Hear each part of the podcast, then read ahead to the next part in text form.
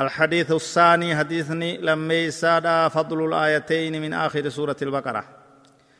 صدركا آياني لمن أم سورة بقرة دا قبدران دبت عن أبي مسعود رضي الله عنه قال قال النبي صلى الله عليه وسلم من قرأ بالآيتين من آخر سورة البقرة في ليلة كفتاه.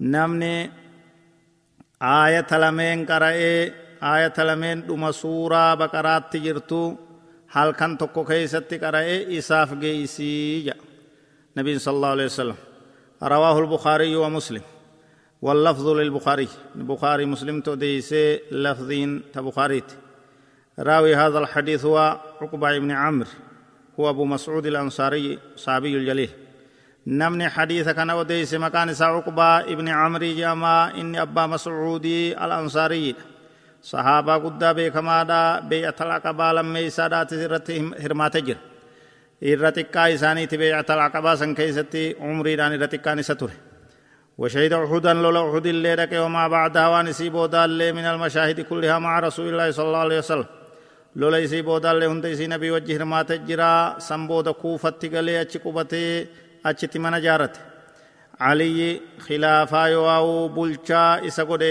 kuufa irratti godina kuufa irratti yeroo gara siffiinitti bahe hadiisni inni odeeyse dhibbaa fi lama ni du'e duubaa madiinatti du'e sanaa hijiraa afurtamii tokkotti rabbiin isarraa haa jaalatu faayidaan hadiisa kanarraa argan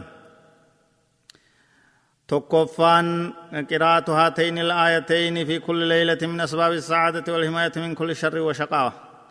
حديثك آية ولمن آخرة سورة بقرات تيكن قرؤون وكل هلكني قرؤون حمتو في جلنا في وان فقدت هندرا نمتيستي lammeeysaan aayatoowwan lameen tana qara'uun halkan hunda keeysatti namticha muslimaatii fi rabbii ol ta'een subhaanahu wa ta'aalaa hariiroo isaanii cimsiti sadeeysaan nama muslimaatiif aayata kana lameen haffazee qara'uudhaatu galgala hunda qara'uudhaatu isarraa barbaachisaa jechu isiin sun kunoo aayata tana آمن الرسول بما أنزل إليه من ربه والمؤمنون كل آمن بالله وملائكته وكتبه ورسله لا نفرق بين أحد من رسله وقالوا سمعنا وأطعنا غفرانك ربنا وإليك المصير. لا يكلف الله نفسا إلا وسعها. لها ما كسبت وعليها ما اكتسبت.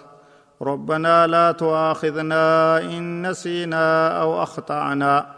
ربنا ولا تحمل علينا اسرا كما حملته على الذين من قبلنا. ربنا ولا تحملنا ما لا طاقة لنا به.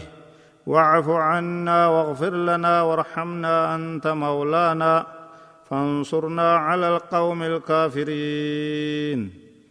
تنا ينسون. قلقلوا قراء ربي بركة سنيا قد فائدة قرقدو قبل هل كم قوتو إسنيف قيس جي نبي صلى الله عليه وسلم.